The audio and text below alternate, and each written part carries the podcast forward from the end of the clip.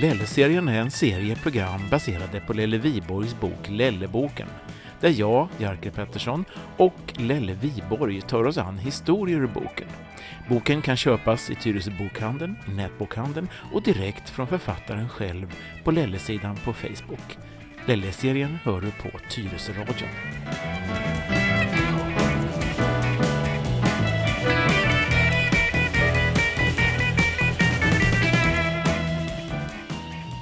Välkommen till lyssnare och till Lelle Viborg till 17 avsnittet av Lelle-serien.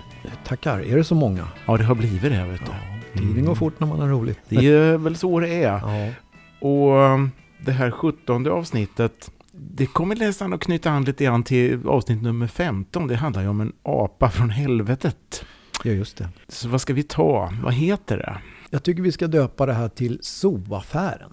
Och den här zooaffären, den eh, tror jag många har ett minne av. För vi hade ju någonting i Bollmora som det hette på den tiden som kallades för Hantverkshuset. Var låg det? Det låg eh, borta upp mot Sikvägen kan man säga. Och, och det ligger ett ensamt höghus där idag precis. Aha. Och där fanns det lite utav varje. Det fanns en skomakare som inte var den allra snällaste ibland.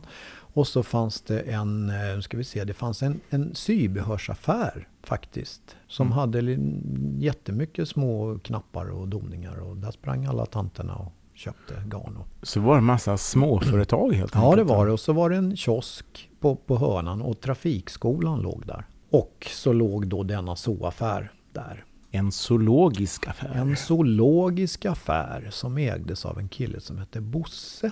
Och han hade det där i många år. Duktig kille, mycket duktig. Trevlig. Var det enda zoologiska affären i Tyresö då? Det vill jag nog påstå att det var. Jag ska inte svära på det för att det fanns ju också i Trollbäcken eh, fanns det en zooaffär som låg nere vid Tegvägen, Sofieberg där. Men om det var samtidigt, det törs jag inte riktigt svära på. För nu överrumplar du mig lite grann. Ja, det det är så det händer i Lelle-serien. Det- att ja, man blir det- överrumplad. Det blir inte alltid som man tänker sig. Nej. Och idag, jag tänker så här, var finns det zooaffär idag? Och så har jag någon minne av att det finns mot den här parkeringen. Mm. eh, Det finns en zooaffär, jättefin zooaffär som heter eh, Djurmagasinet. Som ligger nere vid eh, Nordea. Så är det ja. Ja, det gör det. Och den har funnits där ganska länge faktiskt. Och det som jag kan då tycka är, lite synd, det är att de har dragit ner så mycket på sin fågelavdelning. Och det beror väl naturligtvis på att man ska inte köpa fåglar. Eller rättare sagt, folk köper inte fåglar i en zooaffär. Och det har ju då till följd av att de blir sittande i zooaffären. Blir kvar Ja, där, ja, verkligen de- de blir- inburade i dubbel bemärkelse. Ja visst, och, och alldeles för länge. Och, och det är ju såklart inte bra.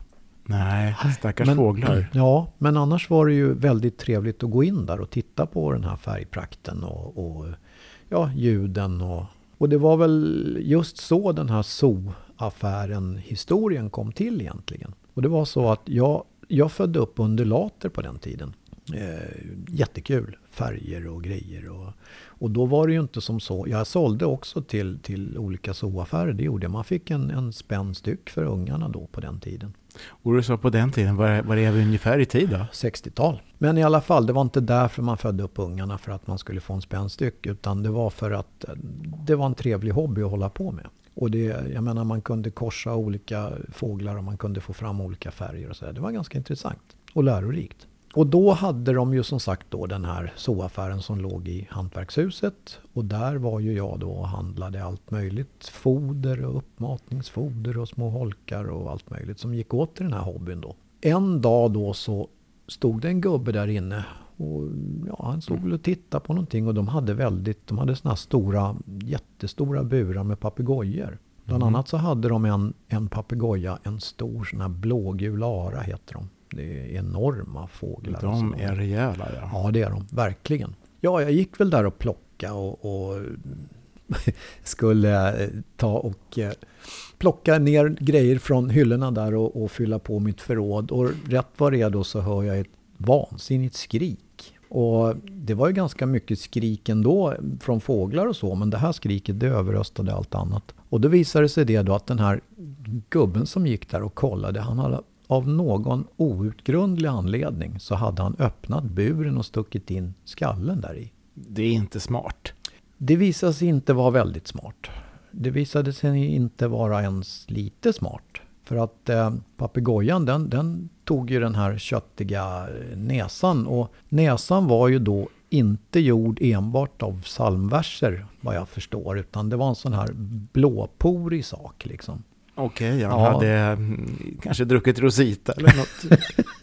ja, något hade han nog druckit och det var väl inte vanligt kranvatten kan jag tänka mig. Men i alla fall, den där såg väl aptitlig ut tyckte papegojan så att han tog ju tag i den där sjucken och vred om. Så att hålen stod rakt upp och pekade mot skyn och bloden spruta och, och det här hålet som gubben, alltså öppningen på buren som han hade stuckit in huvudet i. Det var ju liksom ungefär lite större än hans huvud så att han kunde ju inte få in armarna och få bort gojan. Nej. Så att den, den hängde liksom i pipen på honom.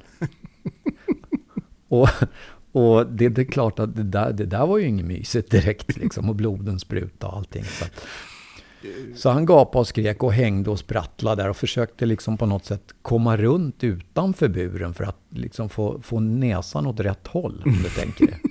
Ja, hur det nu än var så, så Bosse där, han kom väl springande till slut och, och, och skrämde väl gojan då så att han släppte näbben som och den fjädrar ju tillbaka som en gummisnodd ungefär. Plong!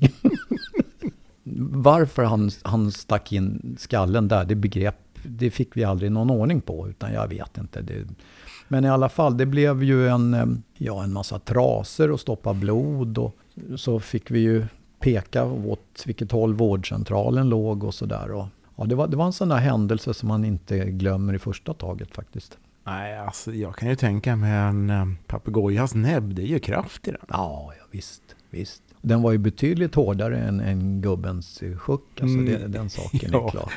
vet, du, vet, du, vet inte vad det var för gubbe då? Nej, det vet ja. jag inte. Det, nej, det ja. vet jag faktiskt inte. Du vet inte hur det gick för honom om man så att säga... Du menar om, man, om näbben satt kvar på Ja, eller om man syntes på byn liksom med, med den där färgade näsan? Eller hur, hur, hur gör man liksom med en ja. papegoja-tuggad näsa? Jag, jag vet inte, men, men jag, jag, tror ju inte att den blev mindre röd av den här varianten. Den var ju röd redan från början. Ja, det måste lysa med stopplysen nästan. Ja, verkligen. Nej, jag, jag, jag, tror nog... Jag hoppas väl och tror att de plåstrar om gubben så att han kunde fortsätta och ha den där revolverkolven mitt i ansiktet. Du pratar inte med ägaren, vad heter han, Bosse sa du, om, om han fick några, höll på att säga, skadeståndsanspråk eller motsvarande? Nej, jag gjorde inte det. För att eh, strax efter det där så, så la jag nog ner min fågelverksamhet. För då kom det väl andra grejer in i spelet. Då. Exempelvis då mopeder och motorer och kanske en och annan eh, av det motsatta stönet också. Och du fick inte fåglarna plats riktigt? Nej, nej. nej exakt. Nej. Nej. Okay. Hur länge höll du på med fåglar då? Kommer du ihåg en och annan skata träffade jag. man kan ju ana ugglor i mossen när man säger så. ja, precis.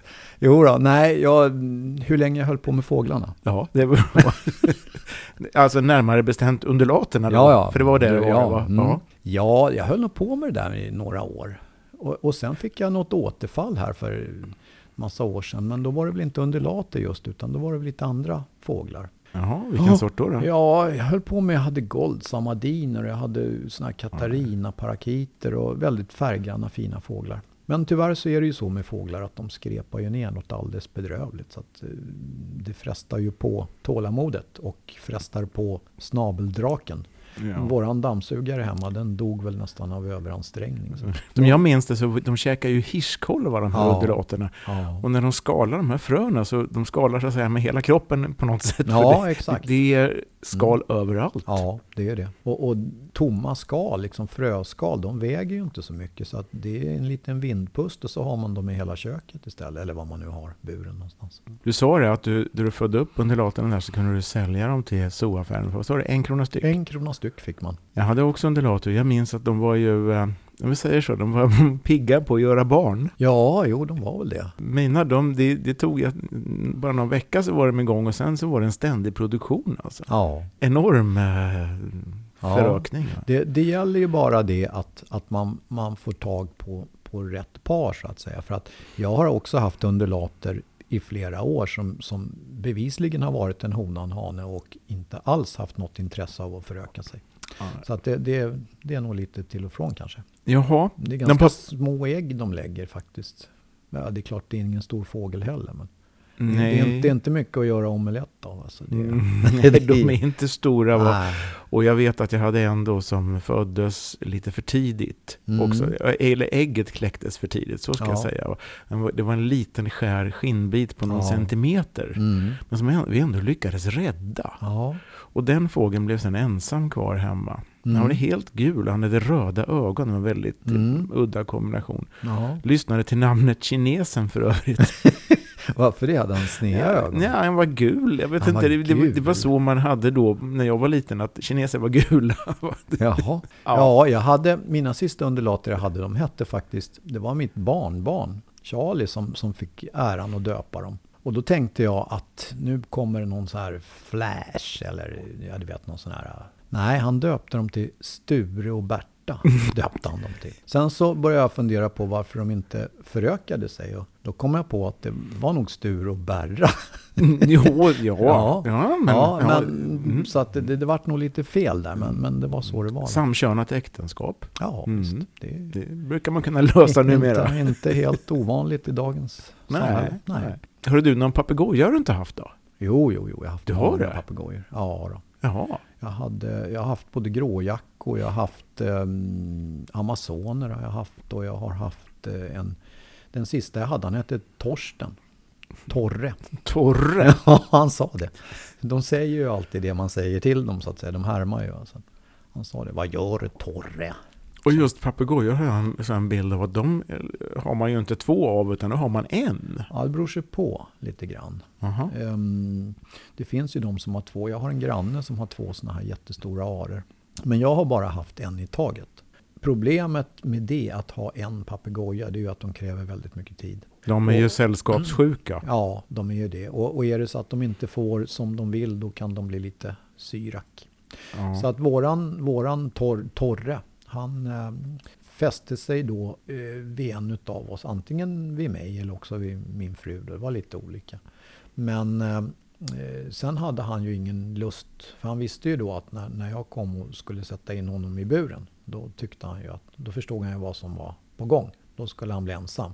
Så att eh, då försvarar man sig med näbbar och klor och då gömmer man sig och då flyger man och då har man sig sådär. Så att, eh, Det är väl det roliga med eh, papegojor, eller undulater också, tänker jag, att de är ju faktiskt egna personer. Ja, faktiskt. Det, det kan man ju inte tro, men så är det faktiskt. Och de har en vilja och de säger banne mig till om det Ja. inte passar. Va? Nej, vi var tvungna att göra oss av med, med, med Torre. Och det blev väldigt lyckat för att han eh, fick vara i en handelsträdgård uppe i Norrtälje. Det var ett par, en barnfamilj som drev den där trädgården. Och där fick han sitta hela dagarna då och titta på folk och det rörde sig och folk kom förbi och pratade med honom och sådär. Och sen när de stängde så fick han följa med hem till sin bur och sova. Ja, du, det blev- låter ju som en väldigt bra eh, läge för en papegoja. Alltså. Ja, verkligen. Det blev väldigt bra. Bättre läge för den papegojan än den som satt i buren när farbrorn i zooaffären stack in sin kran, tänker ja, jag. det var väl ingen fara för honom. Han fick sig ju ett skråmål där.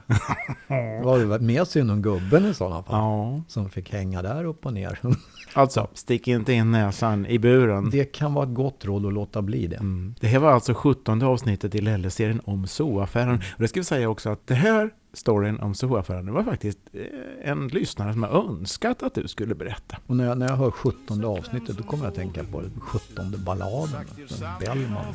Ska du sjunga lite? Nej, jag, jag tror jag, jag, jag besparar våra lyssnare det. gör gott och det är sant att om i detta land man bryter seden och inte ständigt kacklar likadant som alla andra kycklingar i reden men går sin egen väg med stort besvär förgeter fulheten för allt det sköna då kacklar alltid någon gammal höna om hur förfärligt lättsinnig man är Ja, men du Lelle, vi kommer igen med nya avsnitt. Ja, det gör vi. Ja. tycker jag. Då säger vi så. gör vi. Bra.